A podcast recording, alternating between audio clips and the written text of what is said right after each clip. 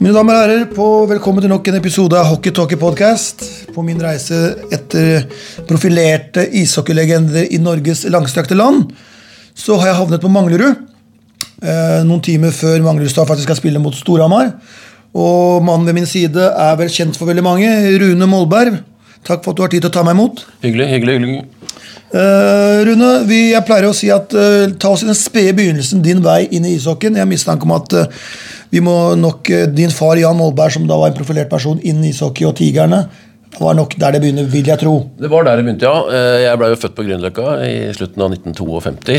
eh, Og faren min var jo da allerede sentral i Tigrene. Det vil si at det laget het egentlig Templar eh, først, men Templar var en avholdsforening, så det passa litt dårlig. Så det ble, ble Tigrene. Og Tigrene var hele min hockeyoppvekst. Jeg er jo født og oppvoksen hockeybane. Det ble norgesmester i 57, det husker jeg ikke så godt, for da sier det seg sjøl, da var jeg 4 15 år. Men i 61 så ble det norgesmester, og det laget der det kan jeg på rams. Så da var jeg i finalen, da var jeg kanskje 8 15 år eller et eller annet sånt. Så gikk jo verden videre, og eh, familien Molberg flytta til Manglerud i 1957 og havna på en blokk nede i gata her. Og eh, det var veldig mange eh, folk rundt meg og oss som var glad i ishockey. Så det viste seg at min eh, gode venn og MS-legende Kjell Torkelsen hadde en far som var knytta til Gamlebyen. Og vi hadde jo ikke noe lag på Manglerud, så det gjorde at vi gikk til Gamlebyen alle sammen. Og alle som bodde på Manglerud, spilte i Gamlebyen.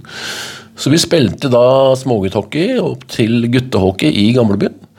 Helt til da, som du nevner, min far eh, og noen til eh, bestemte seg for å starte Manglerudstar ishockey.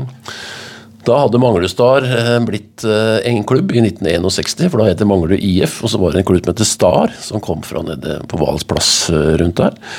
Og som blei Manglerudstad, og så blei vi Manglerudstad Hockey rundt ca. 67.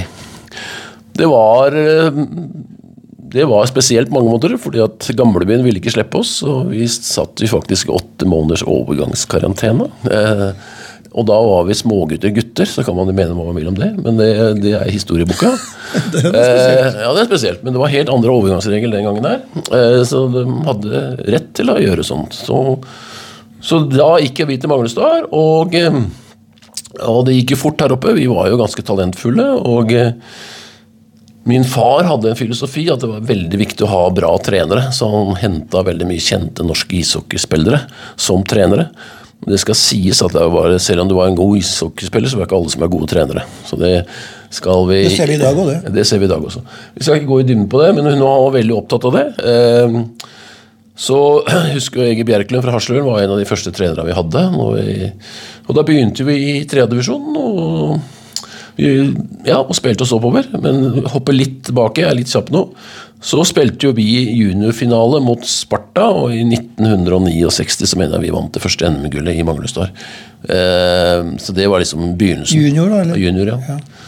Og så spilte vi da A-lag, og da var det to store rivaler som spilte da i tredjedivisjon det året der. Det var Manglestad. Og så var det Trassopp, da, som seinere senere ble, Oppsal. ja, ble Oppsal. Det het jo Trassopp den gangen. der. Og der også var det veldig mange bra hockeyspillere. Eh, og så tror jeg vi vant den kampen her 2-1 eller 3-1. Var på uteis, og det var eh, helt spesielle ting, men eh, det var bare naturlig den gangen. Og så gikk jo da alle Oppsal-gutta til Manglerudstad. Eh, det er jo ikke så mange, altså John Trygg er jo kanskje den en av de mest kjente som da gikk over. Vidar Hoel, faren til Jesper Hoel, eh, kom jo over. Pluss at det var en, en, noen andre etter hvert. Eh, og seinere kom det også flere da, som var yngre, som Cato Andersen, Trond Abrahamsen, Glenn Liv. Og, Mer på 80-tallet, ja, ja. det var mer på 80 ja.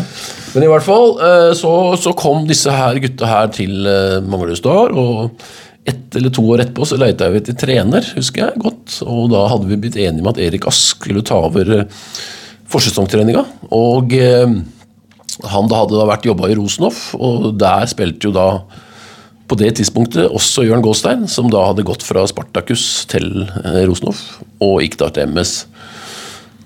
Og, eh, så han var en av de første som på en måte ikke, ikke er født og oppvokst på Manglerud. Eh, Import? Import. Jo, men, men det eh, å ha en god keeper var jo, altså det betyr jo mye. det er understatement, Men det er jo klart, du får liksom satt det på plass. Da har du, da har du gjort et godt stykke arbeid allerede der. Ja. Så det er klart at hvis du ser på det, det NM-laget som vant 77-78, så, så var det liksom Det var jo noen da som kom etter hvert. Eh, ikke minst eh, Roar Østedal fra Hasløren, Tom Røymark. Eh, de kom jo etter hvert. Det er feil å si at det bare mangler folk, men når jeg sier med stolt hjerte, når jeg ser bort på bildet her, så kan jeg si at det er over 50% av de spillere er født og oppvokst i blokkene her. Og det gjorde jo at uh, vi blei jo ekstremt populære. Uh, og uh, vi skapte jo en entusiasme på Manglerud som jeg aldri skulle tro kunne skje. Fordi at når vi spilte kamper, så måtte Sporveien sette opp ekstra T-baner for at det kom nok folk. For det var jo bare én arena jeg spilte i Oslo, det var jo på Jordal. Der spilte jo alle. Dessverre er det ikke sånn lenger nå, men eh, vi spilte jo der, og vi trakk jo 4000-5000. Og seinere i livet mitt så har jeg også gjort det samme med Furuset. Men, men det var veldig, veldig veldig spesielt. Du sier det med Jordal som at de fjerner hockeyen fra Jordal. For ser jeg som da var Furuset-fan, jeg dro så, så HL-kamper, jeg så MS-kamper, så jeg tror kanskje at en av, en av de virkelig undervurderte aspektene som rammet norsk hockey mer enn kanskje mange tror, er nettopp at de flyttet fra katedralen Mekkan Jordal. Da. Ja, det er helt riktig. det, og hvis du dem som ser på historien, så helt fra vi spilte i begynnelsen av eh, si, 50-åra opp mot 60-åra, så var alle kamper gikk på Jordal. Altså Det var Skeid spilte på Jordal, Gamlebyen spilte på Jordal, Kamperen spilte på Jordal. Ikke sant? Altså Hasløen, Furuset, Manglestad altså Alle spilte på Jordal. Og, og så plutselig ville da Vålerenga ta så mye tak over det der, og hadde da ganske bra fotfeste i Oslo kommune med politikere, så etter hvert så har jo alle laga blitt kvisa ut av Jordal. Og jeg syns jo ikke det er noe berigelse for, for hockeyen i Oslo heller. Og ta et eksempel, da, altså, er jo at siste gangen Vålinga fotball også trakk 25 000 pluss, det var mot Lyn på Ullevål. Derby, ja. Ja, derby. De trenger derbyer. De prøver å importere Lørenskog som derby. De prøver å importere nå prøver de å selge Storhamar som derby. Det har vært Frisk som derby. Men historisk sett så er det bare de virkelig derbyene i Oslo som virkelig da er det pakka. Altså. altså. Eh, og i og med at du har opplevd å vokse opp med Furuset, så veit du hva jeg prater om. Definitivt, og det jeg savner i dag, det der med hva kaller heritage, altså rett og slett som går langt tilbake.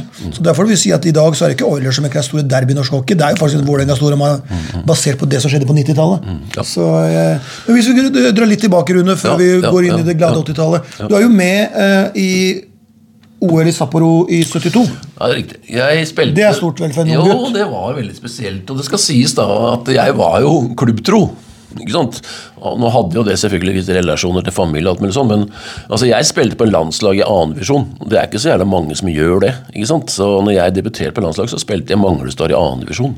Det må også ha vært en monumental øyeblikk. Husker du det? Når du da plutselig representerer landet ditt med Ja, det husker jeg godt. Det var jo i 1971. Jeg tror det var september, oktober, november. Jeg husker akkurat datoen, det burde jeg kanskje ha huska, men, men det var i hvert fall da. Og det var jo veldig stas. Og det er klart at jeg, jeg var jo faktisk Vi Manglestad røkka jo ikke opp eh, før jeg hadde spilt et OL. Så jeg spilte jo også 72-sesongen som OL-deltaker, men ikke var i øverste divisjon i Norge. Det skal sies at jeg var ganske ettertrakta på spillemarkedet den gangen også. Men vi blei jo her alle sammen, og det var jo ikke bare jeg som var brukbar her oppe. Det, selv om jeg var den første olympieren fra Magnusdal, og selv om jeg var den første på landslaget, sånn, så kom jo de andre fort etter. Altså Kjell Torkelsen kom jo fort etter, Jørn Golstein kom jo fort etter, som da også var hjemmespiller. ikke sant? Så i 1972, når vi spilte OL i Sapporo, så var det jo veldig mange som hadde siste reis, da, for at de skulle ha med seg siste OL. ikke sant? Og Det var jo Svein Dorman Hansen, ikke sant? det var jo Bobo Johansen Det var liksom mange der. Eh, Svein Haagensen, masse som skulle avslutte sin karriere med OL i Sapporo. Var det litt glamorøst på et vis? Eller er det lett for oss kanskje i ettertid som ikke var en del av det? Men jeg tenker sånn, reise til eh, ja, Japan, det er eksotisk på den tiden, vel? Du er jo der og kommer ut med flaggborgen og ja, Ja, det, det, var, det var jo absolutt det. Men det som jeg også syns var ganske spesielt eh, der borte, det var jo det var jo veldig mye sånne OL-camper, for du måtte bo i sånne camper. Og da fikk du ikke lov til å bo sammen med jenter og sånn. ikke sant? Så det var mye sånt. Så hun bygde egne sånne jenteleirer med 45 meter høye gjerder. At ikke folk skulle komme over de gjerdene for å besøke dem og sånn. Det er. Eh, så det var, det var, det var litt sånn spesielt. Det er sånne ting du også på en måte husker der borte. Og så husker jeg veldig godt at eh, jeg har jo på en måte jeg på en måte sier at eh, Som spiller, men også som menneske, så, så er jo Roy Sleipern Selv om han er fra Vålerenga, så er han en av de mest typene som jeg elsker mest. Og det var kort og godt, for han var stjerna på det A-landslaget i 72. Ikke noe å diskutere hvem som var best. Det var han. Vil du si at det er generasjonstalent? Ja. Ja, er du gæren. Eh, og han var Jeg var junior og inn der, ikke sant? og han var så hyggelig og omtenksom og på en måte inkluderende. Og jeg, jeg mener en dag i dag, og jeg har sagt det til henne også, at det, det er liksom kanskje en av hovedgrunnene til at jeg klarte å komme meg Jeg følte at du var inni noe. da, At det, det var han. altså. Eh, Så har, han har en spesiell plass. Han skjønte betydningen av at, litt, at unge gutter kanskje er litt usikre på ting. At han Ja, tok seg veldig, veldig empatisk. da. Ja, Han er veldig veldig ålreit.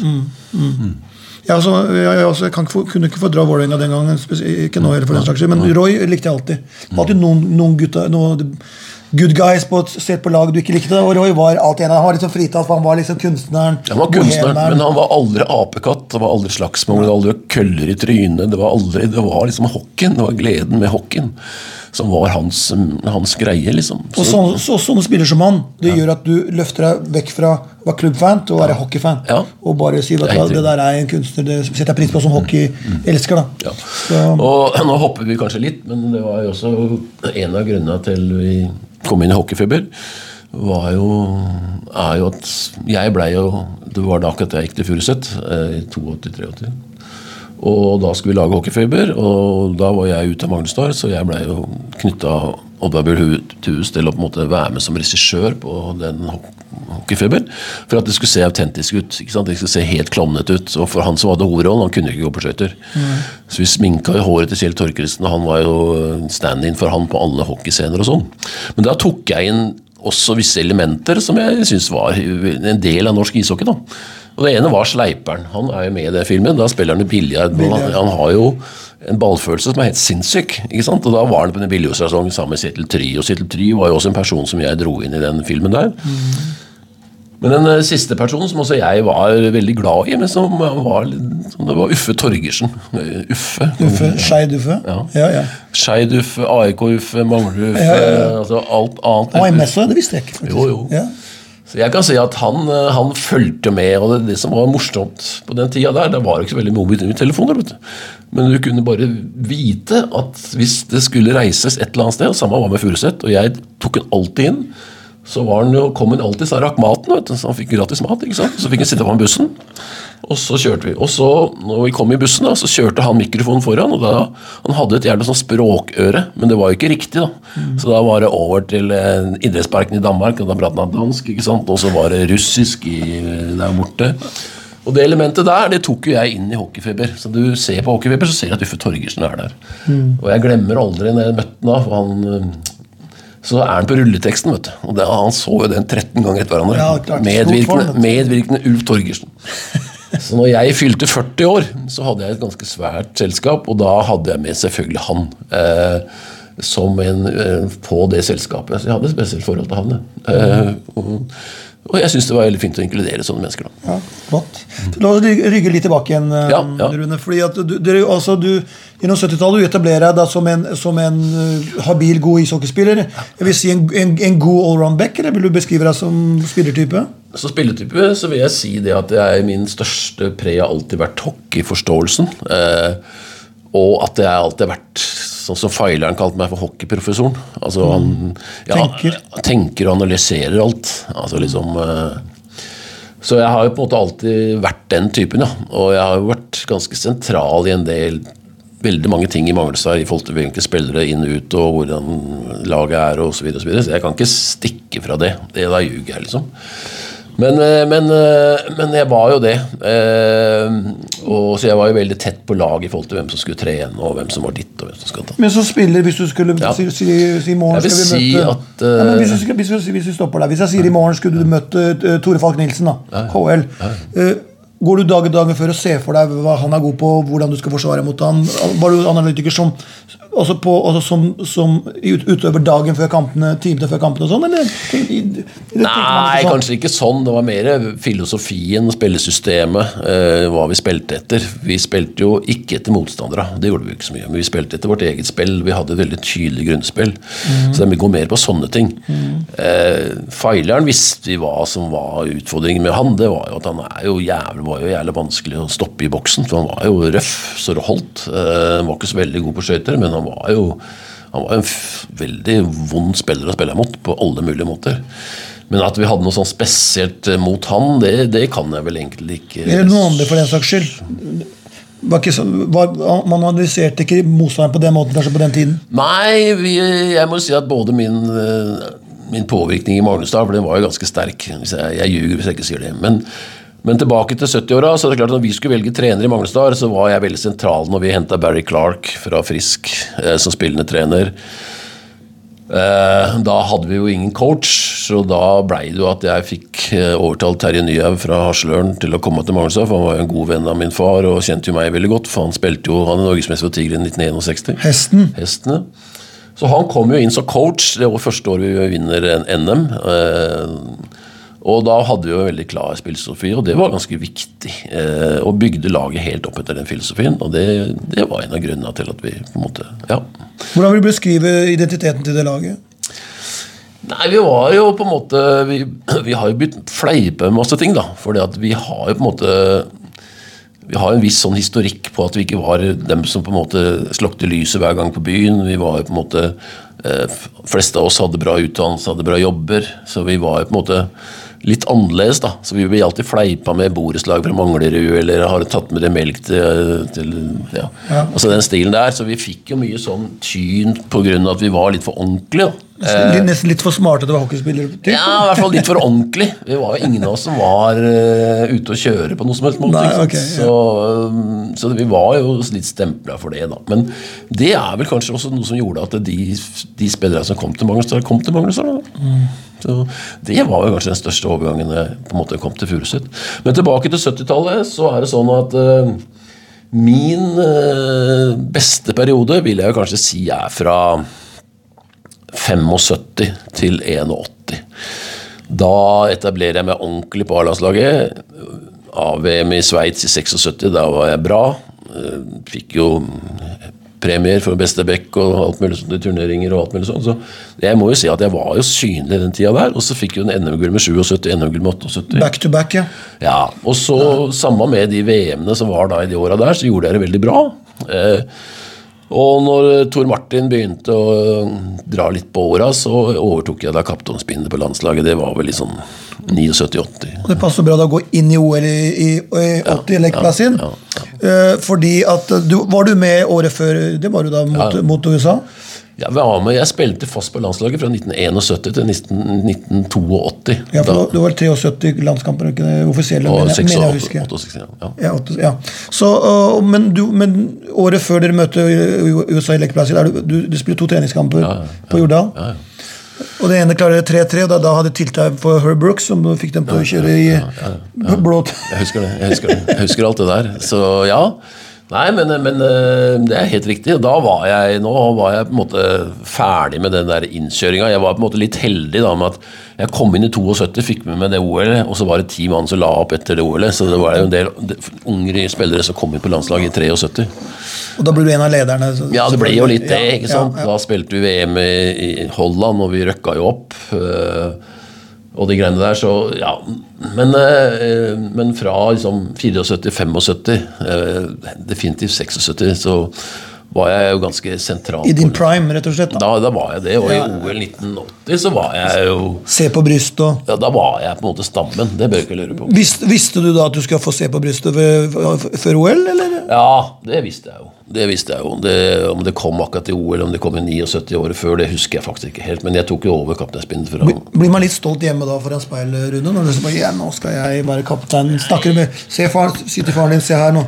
Se hva det blitt av sønnen din. Ja, jeg, jeg, Den tanken har jeg for så vidt aldri tenkt på, men, men det, dem som har vært rundt meg, eh, merker jo fort at jeg er typen, liksom. Eh, Nei, men altså For oss som ikke var en del av det, så jeg tenker så det er sånn jeg tror, tror jeg ville ha følt. da Og så må jeg nesten sånn at jeg lever på dine vegne, at jeg går inn i deg da, på den alderen du var. og tenker fader. Men altså, jeg tenkte ikke så veldig mye på det, for at det blei en naturlig prosess fra å være assistentkaptein assistentkaptein til å bli kaptein. Men jeg sier at det, det er jo klart at ved siden av de høydepunktene med å bli norgesmester i 77-78, eh, så er det klart at OL er spesielt. Men for meg så er 80-OL mer spesielt enn 72-OL. For at 80-OL så var jeg jo liksom Viktig del av det. viktig del av det. Og når, når OL-komiteen kommer og spør om eh, om jeg kan bære flagget ut av eh, avslutningsseremonien, så er det klart at det sitter i.